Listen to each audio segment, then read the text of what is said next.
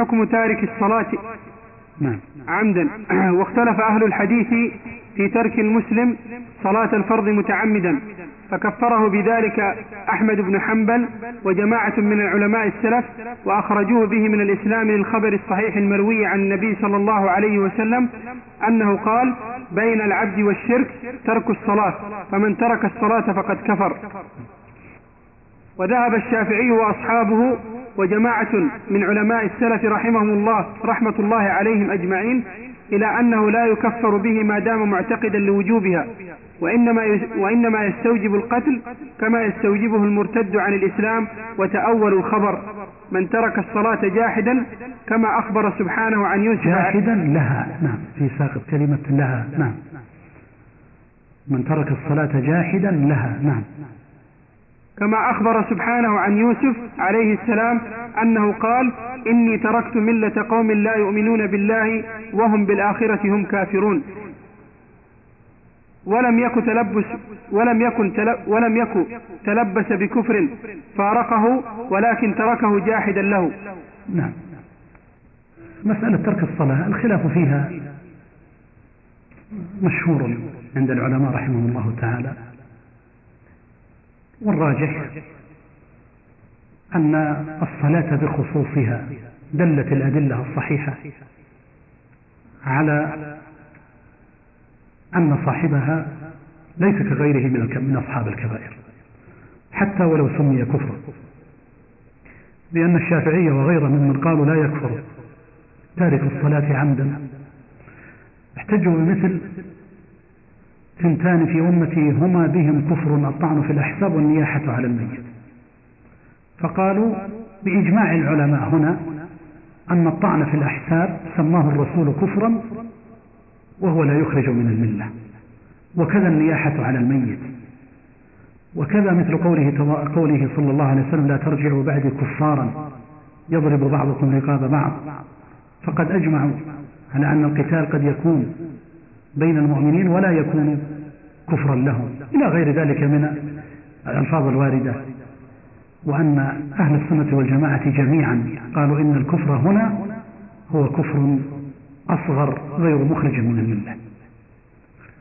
أقول إن الصلاة ورد بخصوصها أدلة تدل على أن حكمها يختلف عن هذا الحكم العام الذي ذكروه في هذه الأحاديث وغيرها مثل قوله صلى الله عليه وسلم بين العبد وبين الكفر ترك الصلاة. ومثل قول بعض الصحابة ما كنا نعد على عهد رسول الله صلى الله عليه وسلم شيئا تركه كفر غير الصلاة. وهذا يمكن أن يكون إجماع من الصحابة رضي الله عنهم وأرضاهم على أن تارك الصلاة كافر. فالخلاف في هذه المسألة في الحقيقة خلاف طويل معروف لكن الراجح الذي دلت عليه الأدلة هو تميز الصلاة وليس هذا موضع استقصاء الكلام حول هذه المسألة. نعم. ومن قول أهل السنة والجماعة في أكتاب العباد أنها مخلوقة أنها مخلوق أنها مخلوق. يعني هنا فقط احتجاجه ب احتجاجهم بقصة يوسف احتجاج فقط لغوي بمسألة الترك. قالوا إن المقصود من تركها فقد كفر عن الصلاة أي من تركها جاحدا جاحدا له. واحتجوا بقصة يوسف حينما قال إني تركت ملة قوم لا يؤمنون بالله. فهو تركها من باب أنه أنكرها ولم يكن قد تلبس بملة هؤلاء الكافرين. فقول يوسف إني تركت ملة قوم لا يؤمنون بالله لا يعني أنه تلبس بها وتركها. وإنما يعنون به أنه جحدها أي جحد ملة هؤلاء الكافرين ولم يتلبس ولم يتلبس بها. فقالوا أيضا من تركها فقد كفر أي ليس المقصود به الترك الذي هو الفعل وإنما المقصود الترك الذي هو الذي هو الجحد. وطبعا هذا استدلال بعيد استدلال بعيد. بل قول النبي صلى الله عليه وسلم من تركها ظاهر وصريح في أن المقصود به تركها وهو فاعل لها. فإذا كان فاعلا لها وتركها يكون كافرا. وكذا لو تركها في الأساس. فآمن بالله وشهد أن لا إله إلا الله وأن محمد رسول الله. ثم لم يفعل هذه الصلاة فإنه يكون كافرا إذا كان قد حضر وقتها. بخلاف من أسلم ضحى. فإن الإنسان قد يسلم في الضحى ولا تجب عليه الصلاة. وقد يموت بعد ذلك فيكون مؤمنا. لكن لو حضرت صلاة الظهر أو ما بعدها وأبى أن يصلي وأصر فإنه يكون كافرا على القول الصحيح في هذه في هذه المسألة. نعم. لكن قبل ذلك أشير إلى فائدة أتى بها أحد الإخوة فيما يتعلق برأي شيخ الإسلام ابن تيمية رحمه الله تعالى في بقاء النار. ودوامها المسألة التي ذكرت بالأمس. ففي مجموع الفتاوى الجزء الثامن عشر صفحة 307 قال شيخ الإسلام ابن تيمية رحمه الله تعالى وقد اتفق سلف الأمة وأئمتها وسائر أهل السنة والجماعة على أن من المخلوقات ما لا يعدم ولا يفنى بالكلية كالجنة والنار والعرش وغير ذلك. إلى آخر كلامه. فهذا نص منه على أنه يقول مثل قول جمهور أهل السنة والجماعة ببقاء الجنة والنار وأنهما لا تثنيان والخلاف إنما هو حول حول النار فهذا رأي شيخ الإسلام ابن تيمية. أما ابن القيم رحمه الله فهو وين أطال النفس في كتبه في ذكر أقوال الفريقين إلا أنه لم يجزم برأي من ذلك بل في أحد المواضع قال فإن قيل فما الذي تقوله أنت؟ قال أقول كما قال عبد الله بن عمرو ثم يفعل الله ما يشاء. فلم يجزم بأن النار تفنى وإن ذكر أدلة الفريقين. تفضل يا أخي اقرأ. ومن قول أهل السنة والجماعة في أكشاف العباد أنها مخلوقة لله تعالى لا يمترون فيه ولا. ولا ولا يعد ولا يعدون من أهل الهدى ودين الحق من ينكر هذا القول ينفيه نعم. ويشهدون أن الله تعالى يهدي من يشاء إلى دينه ويضل من يشاء عنه. لا حجة لمن أضله الله عليه ولا عذر له لديه. قال الله عز وجل قل فلله الحجة البالغة فلو شاء لهداكم أجمعين. وقال عز وجل ولو شئنا لآتينا كل نفس هداها ولكن حق القول مني لأملأن جهنم من الجنة والناس أجمعين. وقال عز وجل ولقد ذرأنا لجهنم كثيرا من الإنس والجن. الآية. فسبحانه خلق الخلق بلا حاجة إليهم فجعلهم فريقين فريقا للنعيم فضلا وفريقا للجحيم عدلا وجعل منهم غويا ورشيدا وشقيا وسعيدا. وقريبا من رحمته وبعيدا لا يسأل عما يفعل وهم يسألون. نعم. بدأ هنا بذكر أحد أركان الإيمان وهو الإيمان بالقضاء والقدر. والإيمان بالقضاء والقدر مقتضاه عند أهل السنة والجماعة الإيمان بمراتبه الأربع المعروفة علم الله المحيط بكل شيء ثم إرادته ومشيئته الشاملة لكل شيء فما شاء كان وما لم يشاء لم يكن. ثم قبل الإرادة كتابته سبحانه وتعالى لكل شيء هذه المرتبة الثانية. ثم الثالثة إرادته ومشيئته النافذة. والمرتبة الرابعة هي خلقه تبارك وتعالى لكل شيء. الله خالق كل شيء. إذا هذه المراتب الأربع العلم والكتابة والمشيئة والخلق هي مراتب القدر. التي اتفق عليها أهل السنة والجماعة. ولهذا فإن أهل السنة والجماعة يرون أن أكساب العباد أي أفعال العباد وما يكتسبونه في أفعالهم مخلوقة لله تبارك وتعالى. ولا يشكون في ذلك ولا يمترون. فيقولون الله خالق كل شيء. ومن ذلك أفعال العباد والعباد. فكما أن العباد مخلوقون لله سبحانه وتعالى فكذلك أفعالهم مخلوقة لله تبارك وتعالى. والذين خالفوا في هذا هم المعتزلة. فإن المعتزلة لشبهة القدر عندهم قالوا إن الله لا يخلق أفعال العباد بل العباد هم الذين يخلقون أفعالهم حتى تنسب إليهم أفعالهم. وهذا مذهب المعتزلة وهو مذهب بلا شك خاطئ تماما. بل الله تبارك وتعالى خالق كل شيء ومن ذلك أفعال العباد. فأفعال العباد كلها مخلوقة لله تبارك وتعالى لعموم قول الله تبارك وتعالى الله خالق كل شيء. فكل ما سوى الله تبارك وتعالى فهو مخلوق.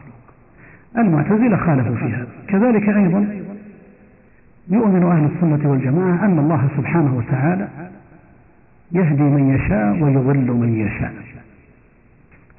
فالهداية والإضلال بيده تبارك وتعالى. لكنه تبارك وتعالى لا يجبر أحد. والجبر غير وارد. ليس هناك أحد مجبورا على عمل. وإنما الهداية والإضلال بيد الله تبارك وتعالى. فهو تبارك وتعالى يهدي من يشاء فضلا منه. ويضل من يشاء عدلا منه. وحينما نقول عدلا أي ليس فيه ظلم لأحد. لأن العباد هم الذين يختارون. أعطاهم الله سبحانه وتعالى الإرادة وأعطاهم القدرة وهم الذين عملوا. فإذا اختاروا الضلال والغواية فإنهم يكونون قد تحملوا وزر ما اختاروه عدلا من الله تبارك وتعالى. والله تبارك وتعالى يضل من يشاء ويهدي من يشاء. ولو شاء لجعل الناس كلهم هداة. أي أنه تبارك وتعالى لحكمة أرادها جعل الناس على هذه الحال. أسقياء وسعداء مطيعين وعصاة. إذا جاء قائل ليقول معنى ذلك أنهم مرغمون ملزمون مكرهون نقول لا. لا ليس الأمر كذلك. بل الله سبحانه وتعالى خلق الإنسان وجعله عاقلا مكلفا أنزل عليه الكتب وأرسل له الرسل ودله على الطريق وأعطاه الإرادة والقدرة. لكن هذا الإنسان إذا اختار فإنه إنما يختار لنفسه ولا يخرج عن مشيئة الله تبارك وتعالى. كما قال تعالى لمن شاء منكم أن يستقيم ثم قال وما تشاءون إلا أن يشاء إذا للإنسان مشيئة وإرادة لكنها خاضعة لمشيئة الله تبارك وتعالى. وأهل السنة والجماعة يؤمنون بأن الله تبارك وتعالى هو خالق العباد وأفعال العباد وأنه تبارك وتعالى تنفذ مشيئته تنفذ مشيئته خلافا للقدرية.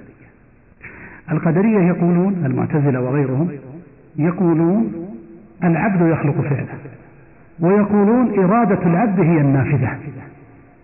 فإذا اختلفت إرادة الله وإرادة العبد نفذت إرادة العبد. وهذا كله تقصير في حق الربوبية. فإن الله سبحانه وتعالى لو شاء لجعل الناس كلهم مهتدين. لماذا جعلهم هكذا؟ نقول لحكمة. هذا سر القدر. لماذا جعل الله الناس على هذه الحال ولم يجعلهم كلهم مهتدين وهو قادر على ذلك؟ نقول لله في ذلك حكمة. وهذا سر القدر الذي لا نعلمه. كما أن الله تبارك وتعالى جعل الناس أغنياء وفقراء. فلو اعترض معترض وقال هذا ظلم من الله. لماذا الناس أغنياء وفقراء؟ لماذا لم يجعلهم كلهم أغنياء ولم يحتج بعضهم إلى بعض؟ نقول هذا اعتراض على الله. هذا سر الله. هذه إرادة الله تبارك وتعالى. إنما الشأن فيك أنت أيها الإنسان هل ظلمت؟ هل منعت حقا لك؟ هل عذبت بلا عمل؟ كل هذه الأمور الجواب فيها لا. فالإنسان عاقل عرف الطريق فإذا اختار فإنما يختار لنفسه فليتحمل عاقبة اختياره. ومن ثم فلا تعارض بين القدر وبين الشرع. عند أهل السنة والجماعة وأهل الفهم الصحيح لنصوص الكتاب والسنة. نعم. تفضل. ألا له الخلق والأمر. تبارك الله رب تبارك الله رب العالمين. أخبرنا أبو محمد الحسين بن أحمد المخلدي الشيباني رحمه الله. أخبرنا أبو العباس محمد بن إسحاق السراج. قال حدثنا يوسف بن موسى. أخبرنا جرير عن الأعمش عن زيد بن وهب عن عبد الله بن مسعود. قال حدثنا رسول الله صلى الله عليه وسلم وهو الصادق المصدوق. إن خلق أحدكم يجمع في بطن أمه أربعين يوما أربعين يوما نطفة ثم يكون علقة مثل ذلك ثم يكون مضغة مثل ذلك ثم يبعث الله إليه ملكا بأربع كلمات رزقه وعمله وأجله وشقي أو سعيد. فوالذي نفسي بيده إن أحدكم ليعمل بعمل أهل الجنة حتى ما يكون بينه وبينها إلا ذراع ثم يدرك ما سبق له في الكتاب فيعمل بعمل أهل النار فيدخلها. وإن أحدكم ليعمل بعمل أهل النار حتى ما يكون بينه وبينها إلا ذراع ثم يدرك ما سبق له في الكتاب فيعمل بعمل أهل الجنة فيدخلها. نعم.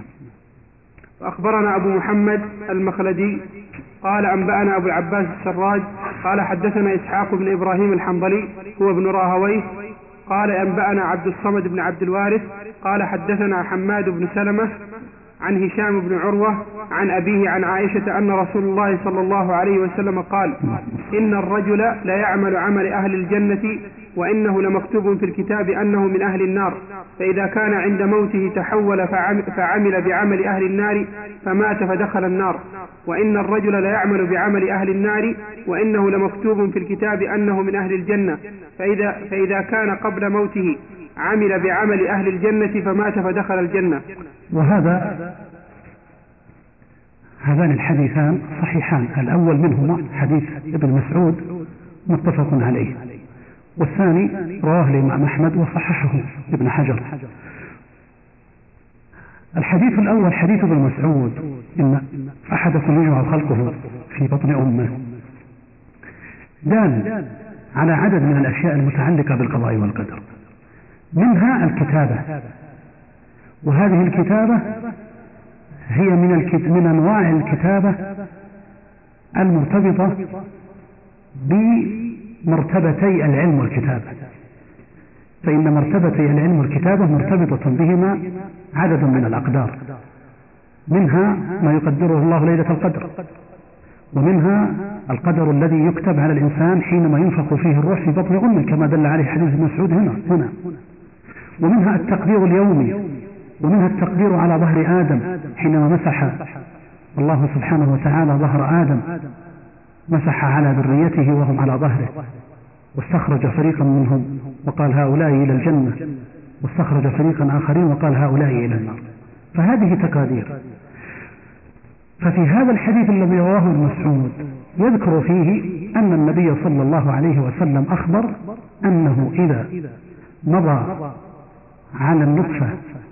أربعون ثم أربعون ثم أربعون وبدأ التخليق فيها. يرسل الله إليه الملك ويؤمر بأربع كلمات بكتب رزقه وأجله وعمله وشقي أو سعيد هذه كتابة قدرية.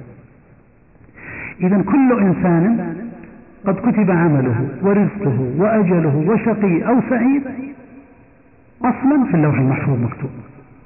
ثم يكتب أيضا في صحائف الملائكة عندما ينفخ في الروح في داخل بطن أمه. ولا يتعدى ذلك قيد شعره. يكتب له رزقه. أنه سيأكل كذا ويملك كذا. لا يتعداه قيد شعره. كذلك أيضا أجله. كذلك أعماله. وهذا هو الإيمان بالقضاء والقدر. أن الله تبارك وتعالى كتب وقضى هذه الأمور. ثم إن رسول الله صلى الله عليه وسلم بين أيضا أن قدر الله هو النافذ وأن الإنسان عليه دائما أن يتقي الله سبحانه وتعالى ويحذر. فيبين الرسول صلى الله عليه وسلم أن هناك أناسا قد يعملون وقتا طويلا بعمل الشر والكفر ثم يكون قد سبق الكتاب بأنه يؤمن فيؤمن وبالعكس. وهذا أمر مشاهد. كم من إنسان عاش عمرا طويلا في الفجور والكفر بالله تبارك وتعالى ثم هداه الله قبل موته فمات على الإيمان. وكم من إنسان نسأل الله السلامة والعافية عاش على الهدى ثم غوي وضل في آخر حياته ومات على ذلك. وهذا كله أيها الإخوة هذا كله للدلالة على سبق الأقدار وأن العبرة بالخواتيم. بقي هنا هل معنى ذلك أن هذا ظلم نقول لا. إن ذلك الشخص الذي كان على الهدى ثم انحرف هو الذي انحرف. كما قال تعالى عن الكفار فلما زاغوا أزاغ الله قلوبهم. فالذي يختار المعصية وطريقها قد تكون من العقوبات أن يزين الله له هذه المعاصي نسأل الله العافية. فلا يزال يتدرج في المعاصي حتى يطبع على قلبه. كما قال النبي صلى الله عليه وسلم في الحديث الصحيح إياكم ومحقرات الذنوب فإنها تجتمع على الإنسان حتى تهلكه. فلننتبه إلى هذا فإن هذا ليس فيه ظلم أبدا. نعم. إذا نستأنف غدا إن شاء الله تعالى ونسأل الله التوفيق للجميع وصلى الله وسلم على نبينا محمد.